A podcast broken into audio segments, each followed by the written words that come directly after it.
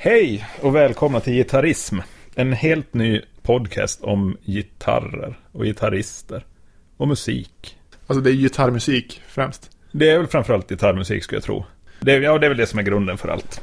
Jag heter Mats Persson och idag och förhoppningsvis fler gånger har jag med mig en herre som heter Axel Karlsson. Som är 38 år gammal. Född och uppvuxen i Umeå och numera även boende i Umeå. Precis som jag. Eh, och vi kommer egentligen att guida oss själva genom saker som vi tycker är intressanta i gitarrvärlden. Sen hoppas vi att ni också tycker det är intressant. Ja, jo, jag jag tror, eller jag vet inte. Det, det, jag tror att vi kommer att- mest att ta ämnen som vi tycker helt olika om. Ja, och det är ju faktiskt nästan alla ämnen som är gitarrrelaterade. Ja, jo, det är ett stort problem. Ja, eller en, en eh, otrolig möjlighet. Ja, vi ser, det är därför vi gör. Alltså om det inte vore en möjlighet skulle vi väl inte göra den här podden, antar jag. Nej, Jag vet precis. inte vad du har för mörka liksom, skäl bakom ditt deltagande här, men... Nja, de kommer nog bli synliga så småningom, men det är, det är inget jag kommer att prata högt om nu. Nej, nej, det är sant. Utan Nej. nu ska vi ha trevligt, Ja. helt enkelt. Och du är ju då Mats Persson, som de flesta kanske känner dig redan. Ja, de två lyssnare vi har känner förmodligen om Ja, Mm. mig. men vi kan presentera dig ändå. För det är ju spännande. Ja. Du, du är ju då 34 år gammal. Mm. Eh, uppväxt i Haparanda. Där du eh, började spela extremt snabbt, extremt hårt. Med mycket dist. Eh, gitarrer med hockeyklubbshuvuden och eh, mo- motivlack också va? Mm, ja, vid något tillfälle, jo. Vid några tillfällen. Nej, bara ett faktiskt. Nej, nog är det fler tillfällen än ett. Nej. Du äger väl en med motivlack i detta nu? Ja, men du, kan, du får inte kalla en Pink Paisley för motivlack. Ja, men det är ju ett slags motiv ändå. Ja. Det är inte bara en färg. Nej, sant. Okej. Ja, två, två motivlackade gitarrer. Ja. Eh, och det är ju två för mycket egentligen. Alltså förutom då Pink Paisley som är helt okej. Jag vill inte gå till anfall så här direkt men.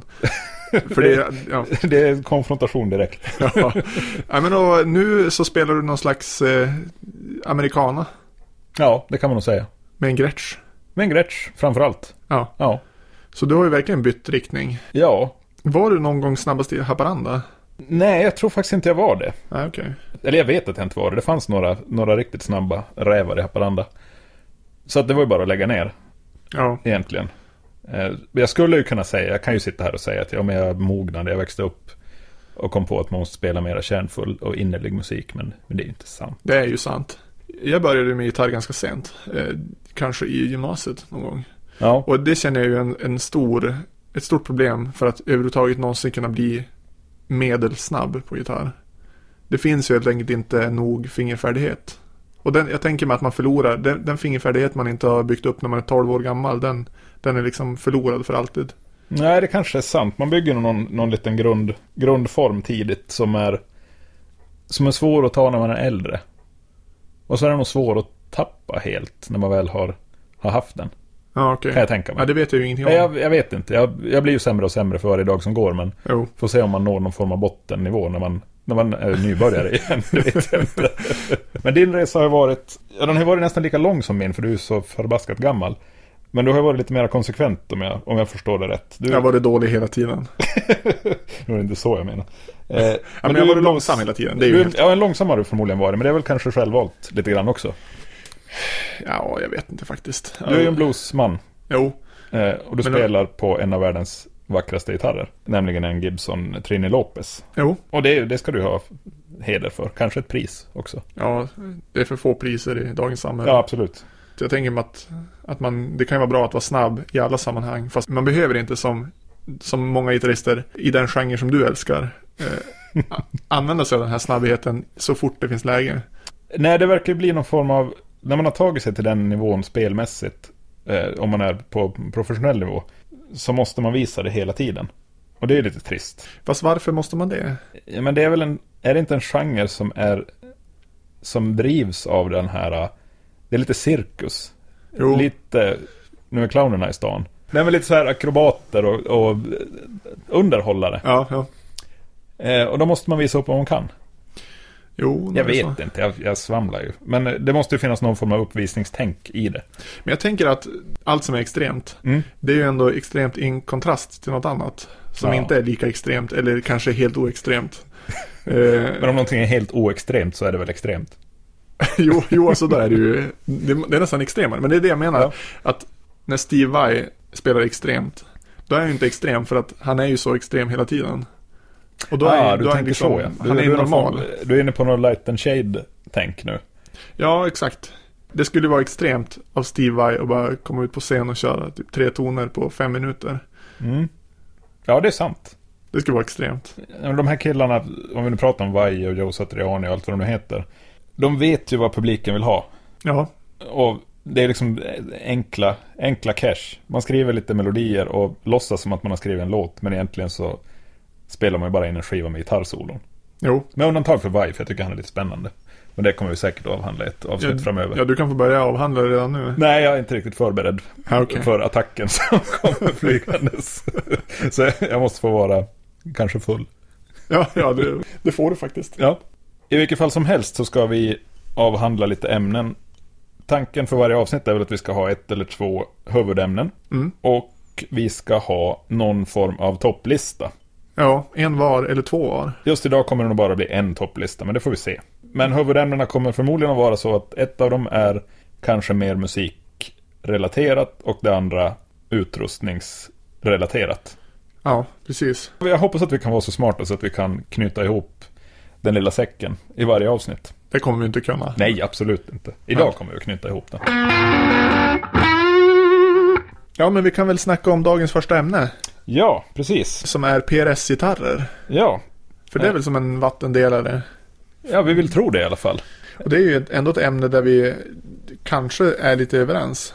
Det finns någonting som vi är överens om där. Men vad vet vi om PRS egentligen från början?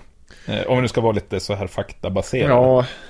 Du De gillar ju började- fakta. Jag, gillar, ja, men jag gillar fakta. Jag tycker det är kul med fakta ibland. Ja. Och Man ska vara seriös. Ja, jo, jo, men precis. Men ja, jag vet inte, de grundades någon gång på 80-talet. Jag skulle tro att de grundades runt 85. Ja, Eh, och det är ett amerikanskt märke såklart. Eh, PRS står ju då för eh, mannen bakom märket, Paul Reed Smith. Jag Han- förutsätter att han ville göra en gitarr som var en kombination av Fender och Gibson. ja, Och fruktansvärt välbyggd.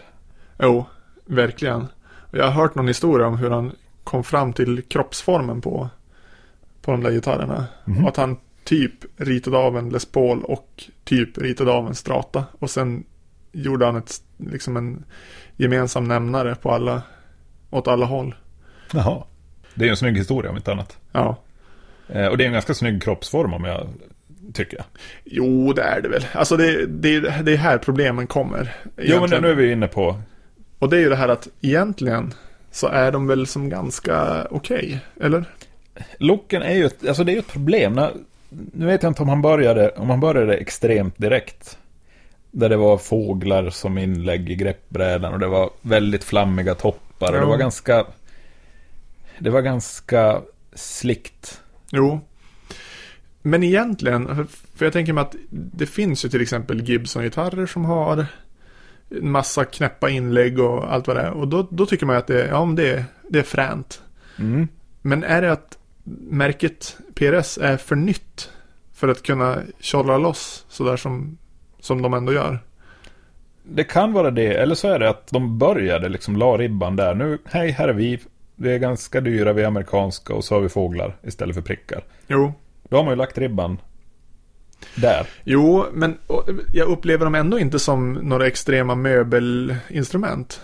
Jag tycker de är rätt möbliga. När man börjar med blåa och gröna toppar som är sjukt flammiga, då är det väl, då är det väl möbel? Är det Jo, inte det? jo, alltså egentligen är det ju möbel. Men det, det är ändå någonting som... Det är inte de här möbelbasarna som har liksom en dildoformad cutaway och så vidare och så vidare. Nej, de är ju inte vulgomöbler. Nej, Det är ju inte postmodernt. nej. Säg att det var Fender som hade gjort PRS. Ja. Då hade man ju tyckt att de var rätt bra.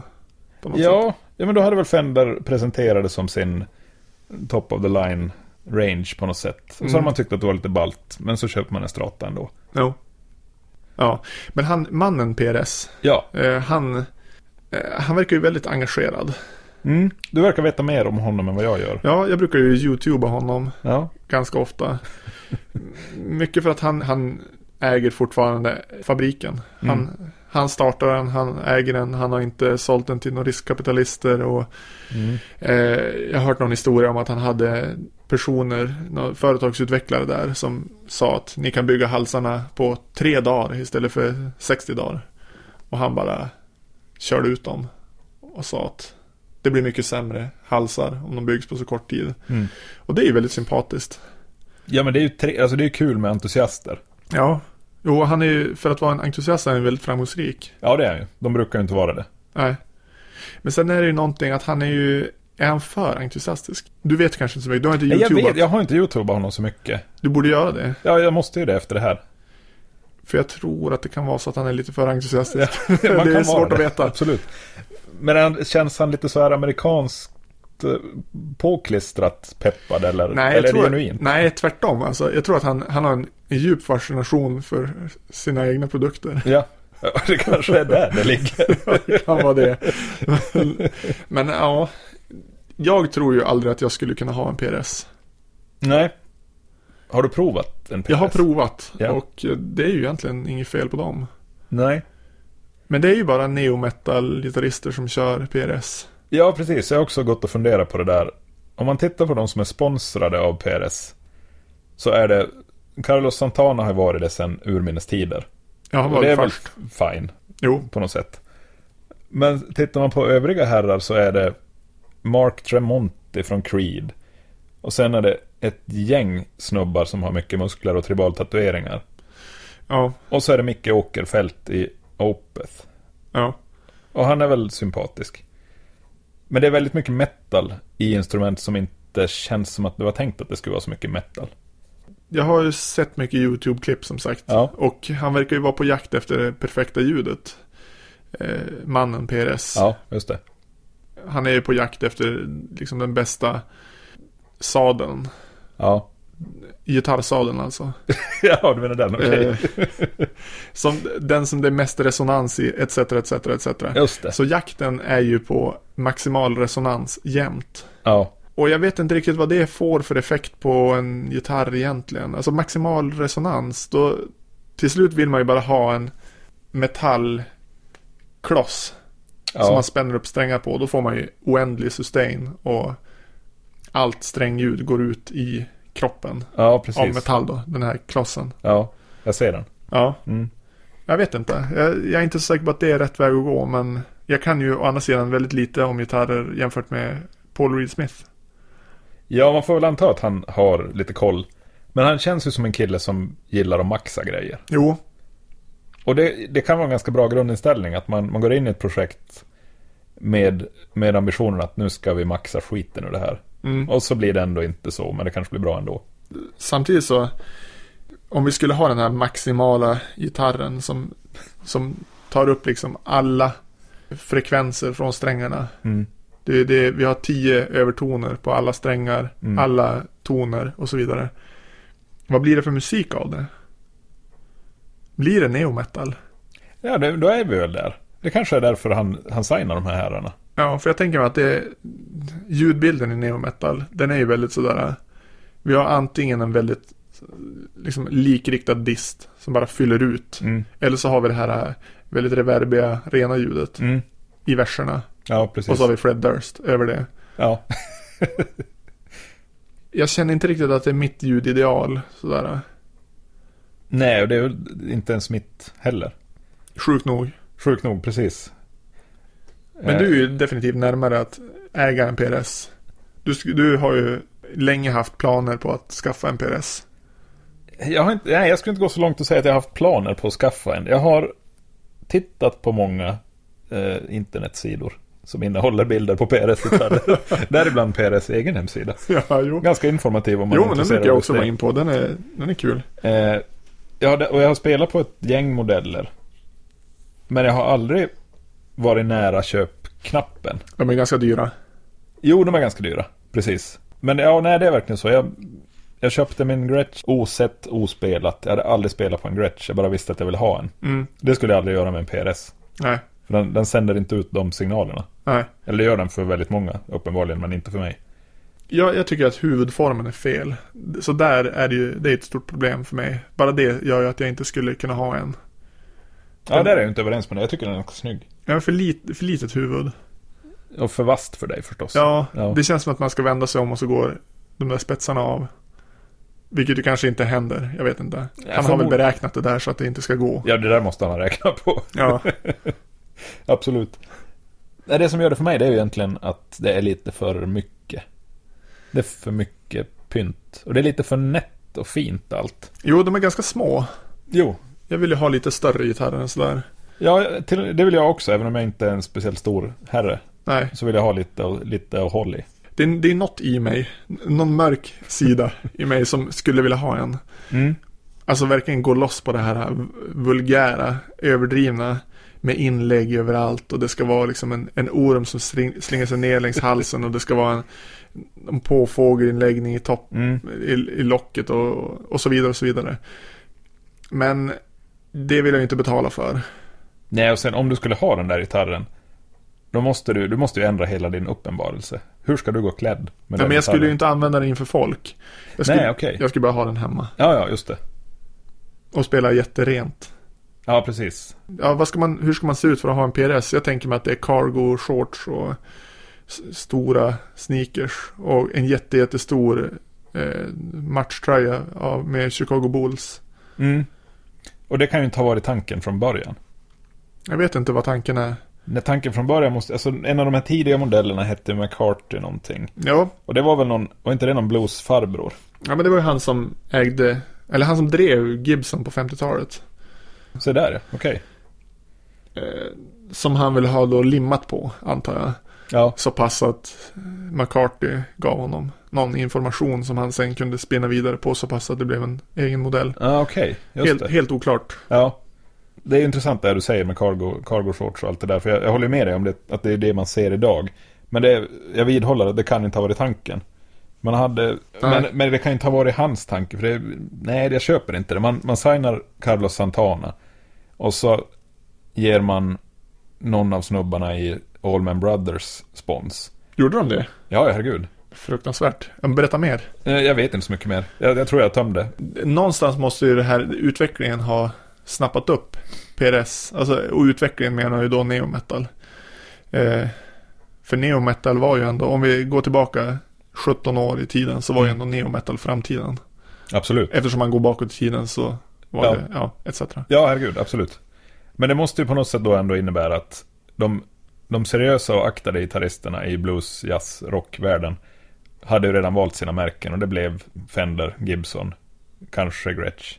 Ja, Och så fick eh, PRS ta det som blev över och då hoppar man på och det dem. var Santana. Ja, men eller? Santana är som med från början. Jo. Så att han, han räknas inte. Nej, Men då tar man de som är lite heta och, eh, och på gång. jo, För det, det fanns ju ingen chans att signa Clapton. nej, nej det fanns ju ingen. Men han var väl redan uppsignad med Fender, måste han ha varit. Jo, men det går ju att bryta avtal. Jo, som John Mayer. Ja, men precis. Det där var ett otroligt eh, slugt sätt att föra över samtalet på nästa huvudämne som faktiskt är John Mayer.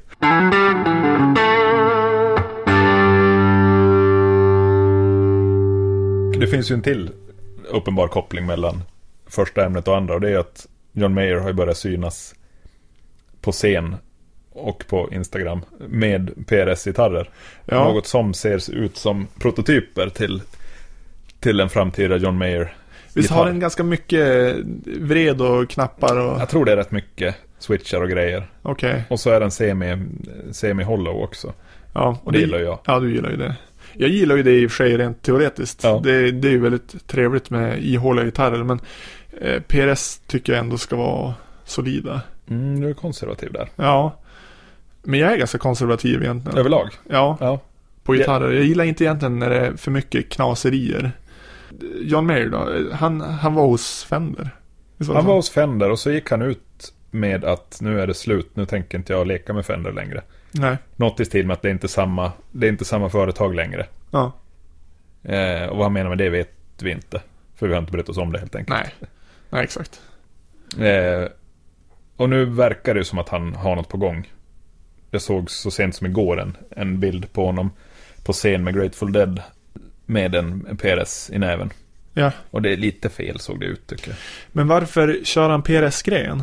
Han måste ju ändå kunna, alltså oavsett hur dålig han nu skulle kunna tänkas vara, så borde han väl ändå kunna välja fritt bland märkena. Han kanske blev uppvaktad mest av PRS. Eller? Ja, det måste ju ha Det måste ju ha, ha varit en kampanj åt något håll. Jag tror inte att han har ringt till PRS och sagt snälla, snälla, snälla, kan inte jag få vara med? Nej, kanske inte. Och han kan ju förmodligen välja exakt vilket märke som helst. Ja, Han är rätt bra reklampelare. ja han är ju någon slags pelare i alla fall. Pelaren Mayer. Ja, Det, är väl- ja, det för vi in, och nu är vi ju inne i ämnet John Mayer på något sätt. ja. Och där, det är väl egentligen där vi har bråkat som mest. Det var där vår vänskap eh, växte fram. Den började I, där. eh, i liksom skiljeväggen mellan är John Mayer bra eller är John Mayer dålig? Exakt, det är en mycket ren och det är en vacker fråga egentligen i sin enkelhet. Jo, och den har ju ett givet svar. Det har den, givetvis. Ja, ja vad är din ståndpunkt? Jag, jag, jag är ju rätt säker på min. Jag, jag vet ju vad du tycker, absolut. Så att om jag säger vad jag tycker nu så kommer ju ni lyssnare att veta vad Axel tycker. Eh, och jag, är ju, jag har ju en liten man-crush på John Mayer. Jag tycker det är så konstigt. Ja. Jag, ty- jag tycker inte det är det minsta konstigt. Det ska ju sägas att han är ju faktiskt väldigt duktig på att spela gitarr. Ja, det är han, absolut. Men ja, jag har ett stort problem med artister som vill spela Jimi Hendrix låtar. På Jimi Hendrix vis. Fast bättre än Jimi Hendrix. Jag Mm. tror de. Ja, det var skönt för dig att du la till det där sista. Men eh, har du inte bara kokat ner John Mayer till de två tillfällen han har gjort Hendrix covers? Jo, alltså det, nog är de väldigt eh, tongivande. Och det, Liksom. men det kan ju inte vara... Alltså det, det, det är förakt, den flod av förakt du, du känner gentemot John Mayer. Det, det kan ju inte motiveras med bara, jo men han gjorde ju Access Boulders Love en gång. Ja, men gör han den inte mer än en gång på skiva?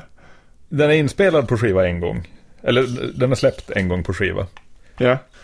Eh, så att, men det måste ju finnas någonting mer i ditt, i, bakom ditt förakt. Alltså han är ju ändå en certifierad douchebag. Mm.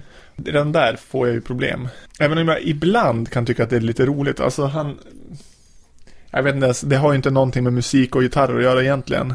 Ja, men jag tror att det är egentligen, att han är en douchebag spelar ingen roll. Men att han ger sig på Jimi Hendrix och ändå, jag tror nu att är typ- han du i- tillbaka i Jimi Jo. Hendrix. innerst inne tror han att han gör det bättre än Jimi Hendrix. Och det finns ju många som försöker med det. Ja, absolut, och det är nästan ingen som har lyckats. De missar ju ofta någonting. Det är ju Steve Lukather på Paris Liven 92. Hans version av Little Wing, den, är ju, den dräper ju Hendrix ordentligt. Eh, och den kommer säkert att diskuteras framöver, så vi behöver inte, vi behöver inte brottas om det nu. Återigen så kliver du in på det här med Jimi Hendrix, och det, Ja. jag vidhåller att det kan ju inte vara enda skälet. Och att han råkar vara lite av en douchebag. Jag tror att det är så här, han är ju en douchebag. Ja, Och det skulle vara mycket lättare om hans musik också var lika douchebagig när han inte vill vara Jimi Hendrix. ja Ah, okej. Han vill ju ofta göra mjuka låtar Mm. som berättar fina historier om, om kärlek och Mm. hur mjuk han är som älskare. Nej, fel. Ja men, men typ, Ja, okej, du, det- du fattar du får vad jag menar. delpoäng, absolut. Ja. Det blir lite skitsat på något sätt. Ja, men han, har ju som, han har ju så kul eh, hur han, hur han kom, till, kom till oss. Det, det är som en I så, ett ägg, som Stålmannen. precis. Han heter egentligen Jorell, eller Kallel, vem det nu var. eh, när en supergitarrist eh, blir född på scenen så att säga, då är det oftast det som är grejen. Man börjar med att presentera den supergitarristen. Mm. John Mayer var ju inte det när han klev ut, utan Nej. han var ju som en sån här lite college-kille med gitarr som sjöng lite ledsna låtar. Jo. Som han förvisso spelade gitarr till. Eh, Men de första plattorna är ju ganska FM-radiomässiga. jo, Det är ju det är liksom radiorock i USA. Och han fick förmodligen jättemycket, eh, jag höll på att säga, könsord. Han fick säkert många beundrarinnor Jo. tack vare dem, jo verkligen. de plattorna. Och sen senare så börjar ju världen utanför college radio se att den här snubben kan ju lira gitarr.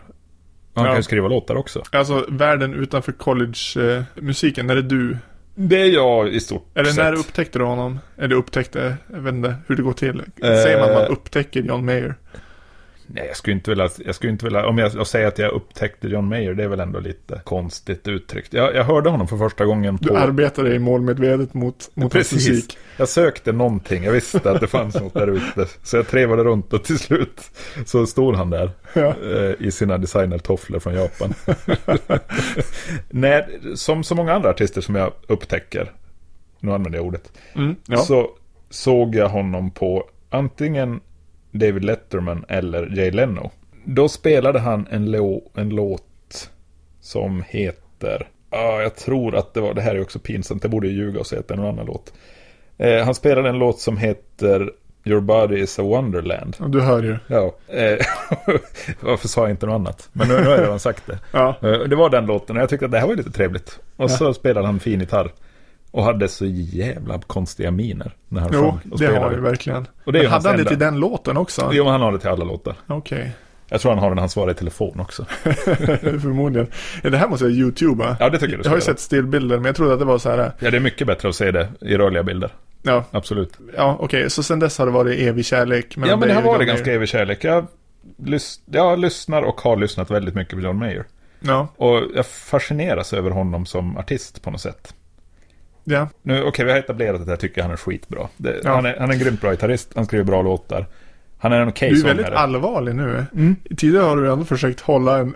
Ja, men nu, nu, nu släpper jag bara. Det är, det är som att du är Oprah och jag är Tom Cruise. Alltså, snart ska jag hoppa på soffan. Nej, men man ska bryta ner där. Jag, jag funderar på det här inför det här avsnittet Ja, men vad bra. Eh, bra gitarrist, skriver bra låtar, sjunger hyggligt. Han är hy- hyggligt nog kan vi säga. Han, alltså hans röst är ju så autotunad. det är det ju inte direkt från alls. strupen. Ja, okej, ja, i så Alltså, fall och inbyggt. komprimerad också. Ja, men han är ju ruskigt radiomässig i sin Jo. röst. Absolut. Ja, ja men vidare till allt Eh, men du sen, älskar med sen honom. kommer vi till någonting större än, än bara, bara musik och eh, musicerande. Mm. Och det, jag tror att han är viktig för... Eh, vi- om vi tittar bakåt i tiden så har vi haft gitarrister som har definierat någonting och varit de här giganterna. Vi har Hendrix, vi har Eddie Van Halen, vi har... eh, Ja, vilka kan vi ta? Stevie Ray Vaughan, sådana här... Nästan epokgörande gitarrister, inte kanske för att de har varit innovativa, utan för att de har varit viktiga som alltså symbolfigurer för gitarrismen. Och där tror jag att John Mayer står ganska ensam idag. För de, de flesta andra som kommer ut som supergitarrister kommer ut just som supergitarrister och Mm. inte som, som artister och låtskrivare. Okej, Eh, Förstår du vad jag menar? jo. Men du håller inte med mig? Nej, men jag förstår vad du menar. Kör på. Jag, kan, jag tycker ju lite grann, vi saknar de här stora rockstjärnorna Mm. nu för tiden. Så Alltså vi- då menar du stora gi- gitarrstjärnorna? Ja, rockstjärnor som om vi, om vi tittar på Guns N' Roses till exempel, då, då fick man ju en fix stjärna i Slash. Jo. Som verkligen. gitarrhjälte, inte för att han var världens bästa gitarrist, men för att han var så förbaskat cool. Och Mm. han blev, man förknippar mycket av 90-tals rockgitarr med Slash. Ja, men du kan ju inte dra paralleller mellan Slash scenpersonlighet och John Mayer. Kan du det? Ja, men lite grann. Alltså, ja, men, nej, inte sen personlighet och inte personlighet på det sättet, utan att de blir, de blir mer än bara gitarrister. Ja. Utan de blir, de blir lite allmängods till och med. Ja. De är sponsrade av japanska toffeltillverkare. Jo, De definitivt. ligger med Jennifer Aniston. Ja. Och få vara med i Opera och vara på eh, omslaget på, till Rolling Stone. Det är, som, det är superstjärnor på något sätt som, som för, för någonting vidare. Jo, men, men samtidigt så känns ju John Mayer som en jättestor parentes i rockhistorien. Och han kommer jag- inte att komma sig ihåg Nej, på det sättet, det tror inte jag heller. Men Däremot tror jag att han har en... Att det kommer... Han inspirerar många gitarrister. ja. Och han plockar, precis som Stevie Ray Vaughan gjorde lite grann, när han klev ut på 80-talet när alla skulle ha neonfärgade gitarrer och hockeyklubbor och spela skitfort. Så kom Bland han annat ut du. med en stor, med en gammal strata och världens fetaste strängar. Jo. Så även om man kanske inte gillar Stevie Ray Vaughan och hans musik så river han ju fram de här gamla, gamla gubbarna i, i rampljuset igen. Ja, jo, just- så kan det vara. Helt plötsligt börjar man prata om B.B. King och Buddy Guy igen. Ja. Jag tycker det är lite samma med John Mayer. Och ska jag jämföra honom med någon så är det ju Napoleon. Nej, då är det, då är det ju Clapton egentligen. Han kommer in som en gitarrist, en vit ung kille. Som egentligen inte tillför så mycket nytt. Utan han snor ganska fritt från historien. Och framförallt från, från bluesartister. Och gör det ganska bra. Ja, jag, jag förstår vad du menar. Eh, Men, eh, men sen är det väl också så att om vi nu tar en, en aspekt av John Mayers storhet är väl också att han har, han har sett att dejta väldigt kända kvinnor. Där han har haft ihop det med eh, ja, men Jennifer Aniston brukar du nämna. mm. Eh, kanske Katy Perry. Ja, är han inte tillsammans med Katy Perry nu? Okej. Jag tror det. Det är väl någon däremellan också. Inte hon, vad heter hon, Taylor Swift? Nej. Nej. Nej, Eh, Hon har varit med på någon platta, men jag tror inte att... Eller jo, banne mig, har de inte dejtat? Och sen har de skrivit hatlåtar till varandra fram och tillbaka. Ja, det vet jag inte. Det kan vara det, så. Det, sp- det spelar inte en stor roll. Nej. Men, men han har ju varit liksom high profile i sitt liv utanför scenen. Ja, men absolut. Och det är ju samma med Clapton egentligen. Han dejtade Sheryl Crow och det liksom... Ja, men det var ju ändå långt efter att hans storhetstid var över. Ja, men de dejtade väl han? På gamla dagar. Jo, i och för sig. Han, han dejtade väl någon känd. Säkert på måste han ha 60-talet. gjort. Absolut. Ja. Eh, och det, är- där är vi inne på det här med superstjärnan igen. Ja. Som, som jag, jag tycker de saknas. ja och, det är då, väl det- dit jag vill komma. och då väljer du John Mayer. Ja, ser du någon? Något alternativ? Ja, då finns det väl alternativ. Kanske inte i... Alltså det känns ju tragiskt att säga att nej, John Mayer han är liksom rock'n'rollens räddning. Det brukar ju ofta snackas om vem som ska rädda rock'n'roll. Men nej, jag vet inte. Men eh, jag har ju en stor favorit från 2000-talet i Jack White. Mm. Där känns det väl kanske lite grann som att det var lite liknande. Ja, Efter den här neometalvågen och ja, det blev liksom R&B och hiphop på Mm. alla listor. Så kom White Stripes och tog högst två tagningar per låt och mm. hade jättemycket dist. Men ändå blues. Jag vet inte. ja, ja men de gjorde ju det okej och, och spela lite fult och jävligt. Ja. Absolut. Men sen dejtade ju han sin syster. Ja, det var precis. Det var ju fel. Han missade, han hade dåligt, dåligt PR-folk. Ja, Eller så var Jennifer Aniston inte singel just då. så kan det vara. För gitarrister, om vi nu ska vara inne på gitarris gitarrismen igen.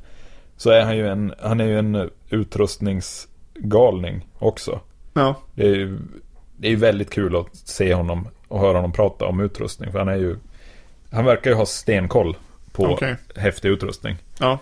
Udda, udda förstärkarmärken och det han byggt och det, allt är ju bara häftigt. okej. Men är det på ett PRS-sätt häftigt? Det kan väl- Nej, det är ju inte det. Nej.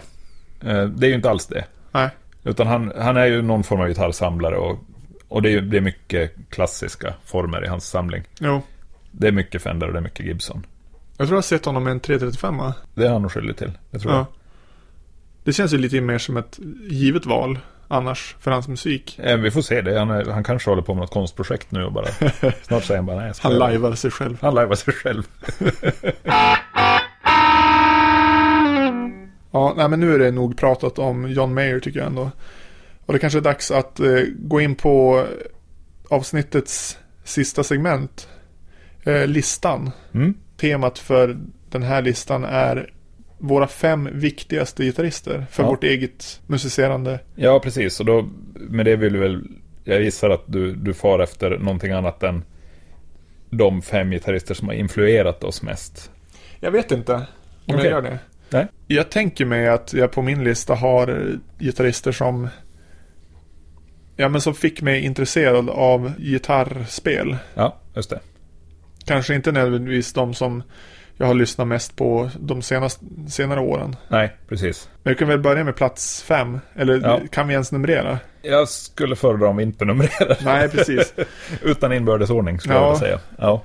Eh, Ja men vi kan börja från början. Eh, Jag, jag är ju uppväxt med Allman Brothers. Och Ja. där var det ju Dickie Betts och, och Dwayne Allman som spelade gitarr. Just Och eh, ja, då, de körde ju någon slags stämgitarr. Mm. Så det blir ju som enheten, de två. ja, just det. Du får, ett, du får ett team där helt enkelt. Jag tror det. Annars är det ju, de flesta säger att Dwayne Allman är liksom tidernas bästa slide-gitarrist. Ja, Och det, så kanske det är, jag vet inte riktigt. Men, och i och med att han har dött också så blev det som en, det blir en myt kring honom som, Ja, är, precis. som gör honom till fixstjärna. Så att ska jag Mm. välja en av de två då blir det ju han. Men jag vet egentligen inte om det ja, det, det är lite grann som att välja mellan Lennon och McCartney. Det är så lätt att välja John Lennon för att han är liksom Ja, dels är han död men sen är han som, på något sätt verk, framstår han som coolare. ja just För det. Mm. att han har inte hunnit bli en, en gubbe med hockeyfrilla. Nej, så är det ju, precis.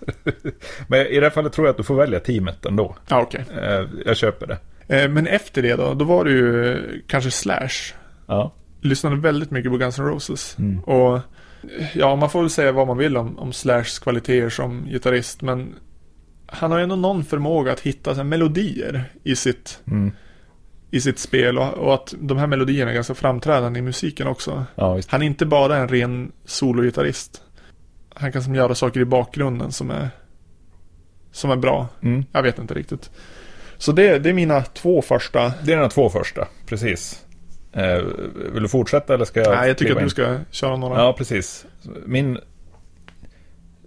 Ja, min lista kommer att bli lite... Den kommer att kännas lite mer pinsam. Ja, ja Eh, vadå? Kanske inte, nej, nej pinsamt. Det ska är jag inte säga. pinsamt nu. Nej, det är inte pinsamt nu. Eh, Men jag skulle säga att min första blir faktiskt Bruce Kulick. Okej. Och då kommer ju säkert några stycken säga, vem fan är det? Ja, vem fan är det? Eh, Han spelade gitarr i Kiss. När de var Ah, just det. osminkade. Alltså under den period som är lite utskälld kan man väl, kan man väl säga. Eh, Men om ni funderar på hur han ser ut så tänk på killen som hade, det ser ut som att han hade en häftklammer i hakan. Det är Bruce Kulick.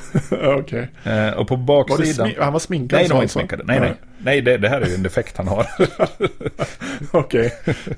Eh, på, på baksidan till plattan Crazy Nights. Eh, om man kan hålla sig från att kolla på Paul Stanley på den bilden. Börja med att kolla Paul Stanley, det är bildgoogla det här. Kolla Paul Stanley först. Eh, och så ringer ni mig. Eh, sen, strax, jag tror att Bruce Kulick står under Paul Stanley, då står som i en fyrkant. Och han står och kramar en gul ESP-gitarr. Eh, och när jag var ung och, och ensam framförallt. Så gjorde jag likadant framför... Min bror hade en sån här spegel. Jag vill lugna dig. Här försöker jag berätta något viktigt. Min bror hade en sån här spegelvägg som han hade på 80-talet. Åh herregud, alltså jag berättar det här. Ja, ja, ja, kör på. Eh, Och jag hade en rosa gitarr. jag hade ingen sån här grej på hakan, men jag stod och försökte efterlikna den här bilden lite grann. Eh, och så lyssnade jag väldigt mycket på 80-tals Kiss. Så att Bruce, Bruce Kulick blir min första. Eh, Ja, Men alltså det var ändå visuellt från hur han såg ut bak på skivan. nej, nej, men alltså det var ju bara, det bara manifesterade eh, Okej. hur ball jag tyckte att han var. Ja, Sen tyckte jag att han var en ball gitarrist. ja. Eh, såklart. eh, och kan fortfarande tycka att han är en ganska habil rockgitarrist. Var, var spelar han nu? Eh, Jag tror inte han spelar någonstans nu. Okej. Han hade ett band som hette Union efter Kiss. Och det var jättedåligt. Ja. Sen har han har säkert släppt soloskivor i Japan eller något. Ja, Kan jag gissa. just det. Eh, Men det var väl egentligen, jag skulle säga att det var min första Ja, sån där fixstjärna. just det. Eh, Och sen kom jag faktiskt också in på Slash. Precis som du, konstigt nog. Jag förstår inte hur, hur det är möjligt. Men eh, Ja. Guns N' Roses var stora. Ja. eh, Och Slash var ju kanske hur häftig som helst. ja, han är ju det fortfarande Ja, det är han. egentligen. Och där har jag också en sån här eh, tonårshistoria. Som jag, det är lika bra att jag kör. För att Ja, ja, jag, har men visst. redan, jag har Jo. redan börjat bli pinsam. Jo, Eh, jag hade en granne uppe i Haparanda som heter Johan. Som var förbaskat duktig på gitarr. Den bästa någonsin. Tyckte jag väldigt länge. Och han är fortfarande jäkligt duktig. Så att, eh, all cred till Johan. Vi hade fått hem en elgitarr. En gammal Fender-kopia, japansk. Eh, från någon auktion. Min pappa hade auktionsverk. Och jag tyckte det där var hur coolt som helst. Så jag hängde på med den där gitarren och justerade axelbandet så lågt som det bara gick. eh, och började spela, jag kunde inte spela då heller. Och så kommer Johan in i rummet och säger att nej men för helvete Mats. Du måste ha gitarren mycket, mycket högre upp, annars kommer du aldrig att kunna spela. ja. Eh, och jag var så kränkt. men sen dess hade jag gitarren jättehögt upp. ja. Och nu då? Nu har den någon slags medel... Nu har jag någon sån här halvprotest mot Johans eh, läror. Så att nu har jag den någonstans i, i skrev, Ja, just det. eh, midjehöjd kan jag väl säga. Ja, man vill ju inte vara Tom Morello heller. Nej, man vill ju inte det. Men det var det som var grejen som han förespråkade. Ja, Gitarren ska hänga i samma position som den gör när du sitter och spelar. okej. Och då blir det ju Tom Morello. Det blir jättehögt upp. Ja, precis. Men så gjorde jag jättelänge. Men jag fattar inte hur man ska kunna spela med gitarren så långt ner. Nej, det kan man ju inte. Det är ju bara Jimmy Page och Slash som gör det. Ja. Så det var alltså din andra. Det var min andra, så där, där har vi gått ihop. Sen tror jag Ja. vi kommer gå isär igen. Ja, men alltså jag har ju egentligen... Jag vet inte om det här kvalar in på den här listan, men... Alltså egentligen innan Allman Brothers Mm. gillar ju Europe väldigt mycket. Oh. Då var jag ju liksom, mm, alltså mentalt otroligt outvecklad. Så inte, jag, jag tror inte ens jag tänkte på det här som musik som spelades av människor, att det var instrument och att det fanns liksom en gitarr och en synt, utan det var som bara, det var ljud. Ja, just det. Det var, det var som musik, ja men nu, nu hörs det här. Ja. Jag tänkte ingenting på hur det framfördes eller hur det, ja, på något sätt. Men, eh, jag var i Stockholm för, jag har ju varit i Stockholm sedan dess, men det här var kanske tio år sedan. Mm. Eh, och jag gick in på Tipptopp. Ja. Och där satt, det var helt tomt förutom att John Norum satt och spelade på en svart Les Paul Custom där. Men du. Och då vart jag ändå starstruck. Mm. Ja, det förstår jag ju. Men inte så starstruck som om det hade varit Slash såklart. Nej, nej Då såklart. hade jag ju gått fram och, och varit liksom sliskig. Lismad. Ja, exakt. Ja, men om vi har då Allman Brothers och Slash. Ja, Men då har vi nog Jack White sen. ja, Och just det. eh, dels tycker jag att han är oväntat bra på gitarr. Ja. Jag vet att han, om det är på deras tredje skiva, hade fått som en ett kall. att Du ska börja spela solon. Mhm. Så att jag tror att på första två skivorna är det inga solon. Egentligen inte några speciella. Nej, Och på tredje skivan är det ganska mycket solon. Och det jag tycker är roligt med honom, det är ju egentligen inte... Ja men han- han gör en del knäppa grejer på gitarren, men det som är roligt är hans inställning. Ja men Mm. som jag nämnde tidigare, två tagningar som mest. Ja. Om det är sant vet jag inte. nej. Och att han verkar ha byggt sitt eget reverb också tror jag. Det finns någon bild på det här i något, kon- något konvolut. Det tycker jag är kul. Eh, han verkar bygga Ja. mycket grejer. Ja, det, är ju- ja förvisso. Ja. Eh, och nu för tiden så håller han på med någonting där han spelar in, mastrar och ger ut artister under pågående låt. Eller under pågående s- konsert. Mm. Jag tror han spelade in Neil Young på någon kvälls talkshow i USA. Ja. Och gav ut, liksom, man kunde köpa skivan innan programmet var slut. Ja, ja, på Och det- vinyl dessutom va? precis. Eh, sen är det klart, det har ju inte så mycket med hans gitarrspel att göra. Men det känns som att det finns ett sökande i hans eh, musicerande eller hans approach till musik och gitarrspel och allt sånt. Ja. Som är ändå, ja, men det tycker jag är inspirerande. Mm. Ja, jag håller inte med dig förstås. Eh, Nej. och vi, vi kommer förmodligen att avhandla White Stripes framöver. Säkert. Eh, men jag tycker det känns så konstruerat, allt han gör hela tiden. Ja, okej. Eh, så det var tredje. Ja, Eh, sen B.B. King. Ja. Som jag egentligen har lyssnat ganska slappt på fram till för några år sedan. Mm. Då jag började lyssna väldigt mycket på honom. Det är, väl- eh, kan man säga att det är en mod- mognadsprocess? Det är ju ändå, B.B. King, det är ju ganska moget på något sätt. det, det är ganska moget, absolut. Tidigare i mitt liv har jag nog inte riktigt förstått finessen med hans gitarrspel. Okej, ja. Du vet hur det är när man är ung. Då vill man ju ha lite, det ska vara flådigt och det ska vara liksom Mm. vräkigt, det ska vara poser. Och B.B. King, han sitter ner, han är ganska glad, han är lite för glad. ja eller, han Mm. är var- lite eller nu förlorad, är han absolut. död. Ja, Men- nu, är- absolut. Ja. ja, han var glad. Men ju mer jag lyssnar på honom nu, desto mer givande tycker jag att det är. Alltså det, det finns väldigt mycket att hitta i hur han spelar gitarr, för det är ganska annorlunda. Man tänker sig att han är någon slags bluesman, vilket han ju Mm. är. Men det är ganska mycket jazz och det är ganska mycket märkliga skalor och på så vis så känns det som att han har sin egen grej. Mm. Nu blir det ju problematiskt att säga vår tid med tanke på att han inte är med oss längre. Nej, Men han höll på väldigt länge och han känns som oefterhärmlig på något sätt. mm. Ingen skulle kunna spela som honom, man skulle genomskåda det ganska direkt. Ja, jag har inga protester faktiskt. Nej, Han finns ju inte på min tidiga lista. Eh, han kanske kommer att finna, finnas på min senare lista, men... Ja. ja, så nu har jag alltså fyra. så nu har du en kvar, då måste vi spara den till sist. Ja, Ja, jag måste ju komma på den först. men- precis. men- ja, jag sitter och sorterar här uppe. Ja. Och jag tror att jag har mina, min plats tre och fyra. men- i Du alla har fall. börjat numrera nu alltså? Ja, men utan inbördesordning. har vi okej. sagt. Ja, okej. Ja. Så att vi har eh, en liten recap. Vi har alltså Bruce Kulick och eh, så har vi Slash. Ja. Eh, och sen kommer vi ju in på Mr. Kråsskjorta himself. Eh, Yngwie Malmsten. Ja. Och det här är också lite grann tack vare denna Johan som jag nämnde tidigare. Han, som jag förstår det så började han spela gitarr för att han hörde Yngwie Malmsten. Han, ja. han spelade trombon först. Oj, Och så hörde han Yngwie Malmsten och blev helt besatt av Yngwie Malmsten. okej. Eh, Och det där förde han ju över lite grann på mig eftersom han nu, han, han tog mig under sina vingar så att säga. Mm. Och försökte få mig att öva och vara petig och noggrann. Okej. Eh, Så att han, han la ju någon form av grund till det som man kan kalla en teknik. Eh, Men jag började lyssna på Yngwie Malmsten. Och kan ju fortfarande vara förbaskat fascinerad över fenomenet Yngwie Malmsten. Jo, det är Eh. kul. Och det, jag kan bli lite irriterad på folk som bara avfärdar honom som en tekniker. För han har en... eh, Precis som, som du nämnde med B.B. King så har Yngwie Malmsteen en ton som är ganska svår att eh, få. Ja, okej. Den är eh, svår uppnådd. Han har ett flyt i sitt spel som är helt, helt olikt många av de som kom, kom i hans kölvatten. Mm. Så att eh, Yngwie är viktig. Men är det så alltså? För att jag, jag tillhör ju de här som bara ser honom som tekniker, förmodligen. Ja, det gör det förmodligen. Alltså det är väldigt svårt för mig att avgöra ens vad det är förutom teknik. Nu kan jag inte påstå att jag lyssnar speciellt mycket på honom, men jag har ju försökt förstå. Nej, och det, det är svårt att bryta ner vad som gör ett, ett gitarrspel till vad det är. för att spela som Yngwie Malmsteen så måste du vara otroligt flink i fingrarna. Det är ju, det är ju grund, grundnivån liksom. Mm. Men du måste, för att göra det snyggt och eh, bitvis intressant, kanske inte nu längre för han har gjort samma skiva i 30 år snart, men, men eh, han har en otrolig dynamik och en otrolig frasering. Men har han det alltså? Ja, det har han. Det, jag lovar att han har det. Jag vill att du pekar ut den här dynamiken för mig någon gång. Ja, men vill det tänker jag lyssna. göra. Ja, bra. Absolut.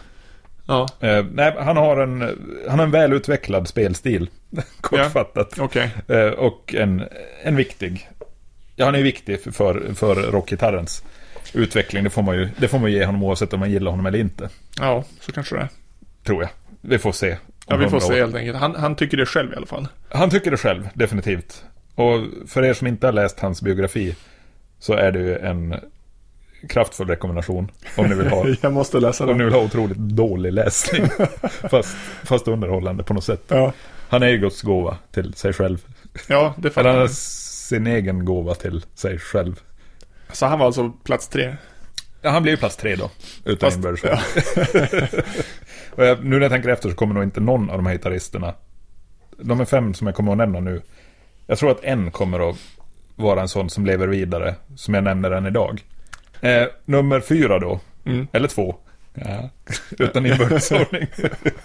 blir faktiskt Steve Ray Vaughan. Okej. För han gjorde just det där som vi var inne på när vi pratade om John Mayer. Att han fick mig att tycka att blues var bra.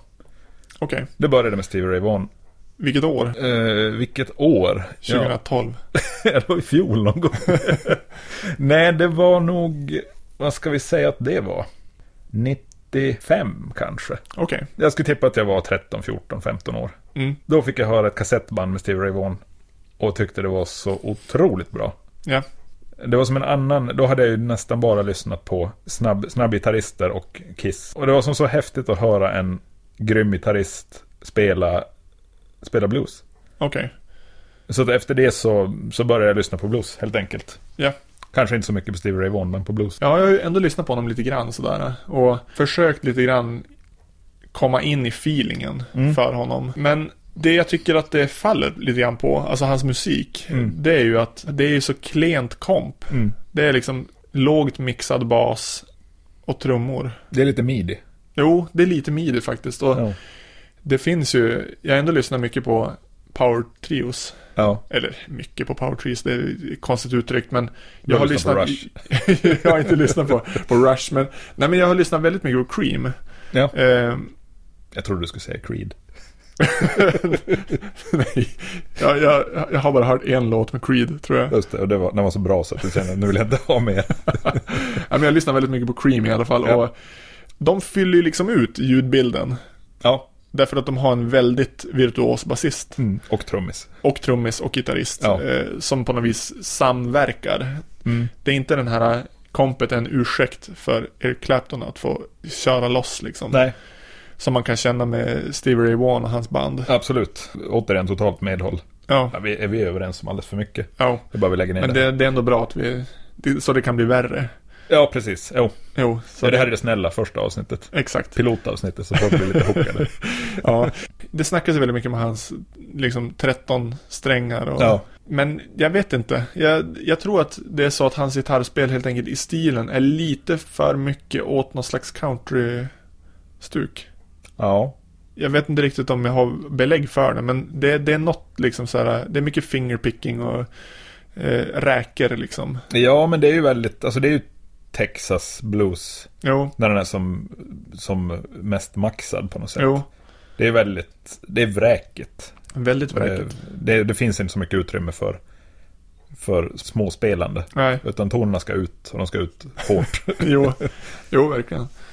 Jag vet att det finns något YouTube-klipp, det här kan man ju kolla upp om man har lust, men det finns något You- YouTube-klipp där eh, Stevie Ray Vaughan går runt, det är något soundcheck. Han går runt och ser otroligt bakis ut, Mm. alltså knappt vid medvetande. Men liksom så här, på en sekund så slår han om och, och bara vräker iväg världens solo. Mm. För att de andra börjar spela, typ. Det är ju imponerande. Hans rep- reptilhjärna går väl igång där ja, liksom. precis. Och det är ju fränt. Det är ju häftigt. Och han är ju väldigt extravagant i sin stil. ja, Eller var. Han är också Ja. död. han är också död, ja, precis. Ja. Det är mycket död idag. Jo. Men det är ju så, det går ju hand i hand. Blues och död. Absolut, jo, Ja. så är det. Men det där var alltså din plats 2 4. Ja, precis. Och det är inne på min första plats. Jajamän. Eh, och då är inte det som jag faktiskt höll på att glömma bort här när jag, jag rotade runt i hjärnan. Men, men det är ju, det blir ju min, min största favorit också Ja. faktiskt. Och det är ju Peter Green. Ja, just det. Som ju har ja, men så känsligt gitarrspel. Och jag vet att han någon gång sa om, om eh, Gary Moore. nej det var inte om Gary Moore. Nej. Eh, ja men om Yngwie Malmsteen sa han ju att jag förstår att man kan spela sådär fort, jag förstår inte varför. Och det tycker jag är- det är bra. Det, det är en bra grundinställning. För där kan det ju vara liksom otroligt utdragna toner och det är liksom känsla i det. Det är inte den här, det är Gary Moore, han har bara jättemycket dist som Mm. gör att gitarren slutar helt enkelt inte låta. Nej. Det finns någon låt med eh, Bluesbreakers där Peter Green spelar gitarr där han, det är jätte, jättelång sustain. Men man märker att han, han vinklar sig på något sätt mot förstärkaren. Som gör Mm. att det blir liksom förstärkar-rundgång, det är inte Mm. dist-rundgång. Och ja men väldigt känsligt gitarrspel och dessutom har han ju mickarna ur fas. Ja. Så det är, och det är det bästa gitarrljudet. ja, det är ju topp tre. Ja, nej men och, och, så, och så sen en till viktig grej. Han sjunger bra. Eller sjöng. Nu sjunger han ju som en kratta. Han spelar ju gitarr som en kratta. Ja. Han vart ju söndermedicinerad eller vad det nu var. ja, han hade väl någon form av breakdown. Jo. Så det vart ju dåligt. Men fram till 1971 var han ju otroligt bra. Allt som han har gjort fram till dess är ju... Det måste man ju höra. Till och med du Mats. Till och med jag. Ja. Och sen efter det så är det lite konstigare. Och blir successivt sämre och sämre. ja. Det är mycket också just sången tror jag.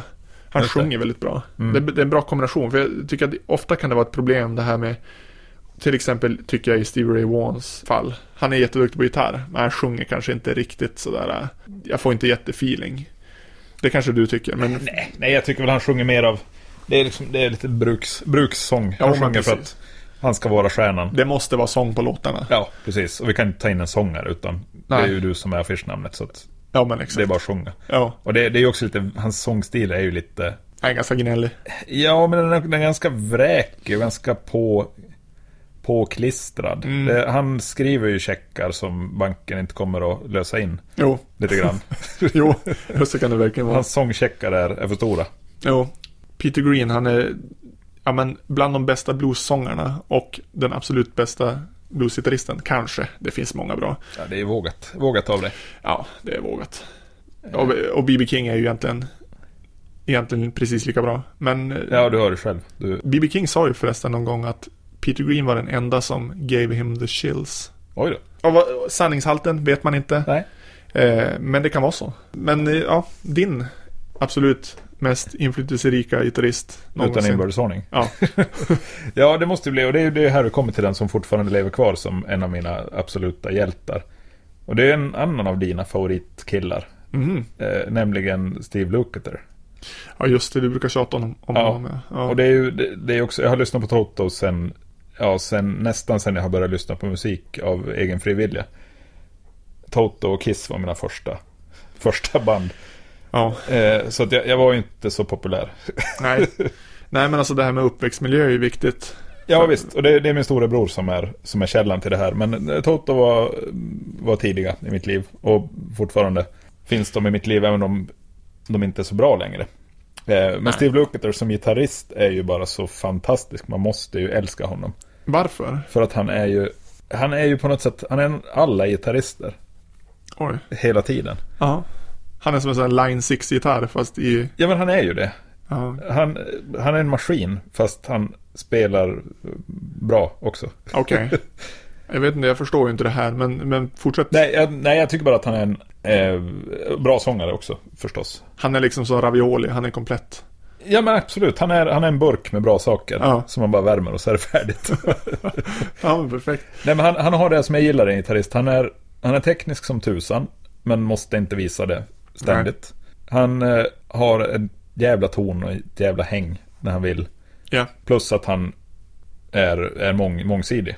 Mm. Det, det är ju bara att kika på hans, hans diskografi så ser man lite, lite vilken bredd han har som, som musiker.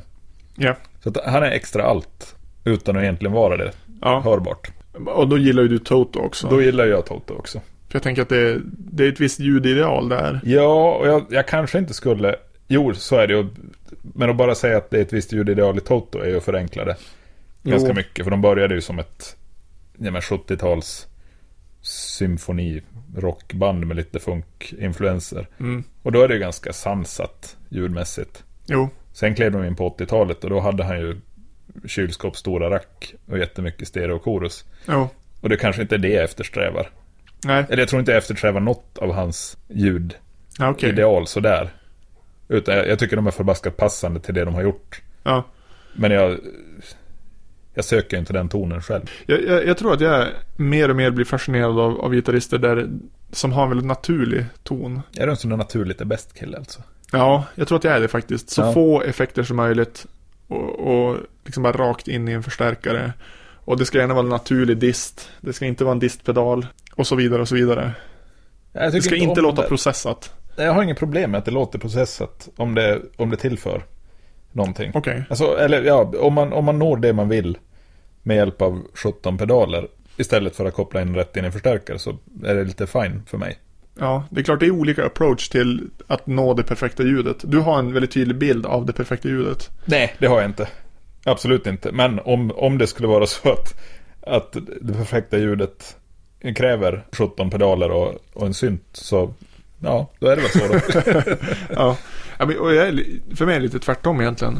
Jag, jag tror att jag tänker mig att det här perfekta ljudet dyker upp när man som skalar bort så mycket som möjligt. Du vet den här äh, disten som uppstår oplanerat Mm. för att conditions are perfect. Ja, precis. Ehm, och den här äh, otroliga sustainen som bara uppstår för att man har ett perfekt fingervibrato. Men då är vi väl som ganska klara med våra listor va? Våra listor är ju kompletta där. Dina var alltså eh, nerifrån och upp. Ja. Eh, eh, heter han Bob Kulik? Bob Kulick heter hans bror. som för övrigt ersatte Ace Frehley bakom kulisserna på Rosa Kiss-skivor. så att, snyggt där, även om det var fel. Okej. Bruce hette han. Bruce och, och så Slash. Mm. Ja, Eh, Steve Lukather var etta typ, Ja. fast o- eh, utan inbördes ordning. eh, och så sen Yngwie Malmsteen och den sista, alltså det här är ju, det här programmet handlar ju egentligen inte om gott minne. nej det, det, det, det är ju inte någon minnespodd det här. Inte. Så att det var Stevie Ray Vaughan helt Ja, enkelt. just det. Ja, precis. Eh, Eh, och då, då måste jag ju göra ja, samma du måste sak. köra bort det.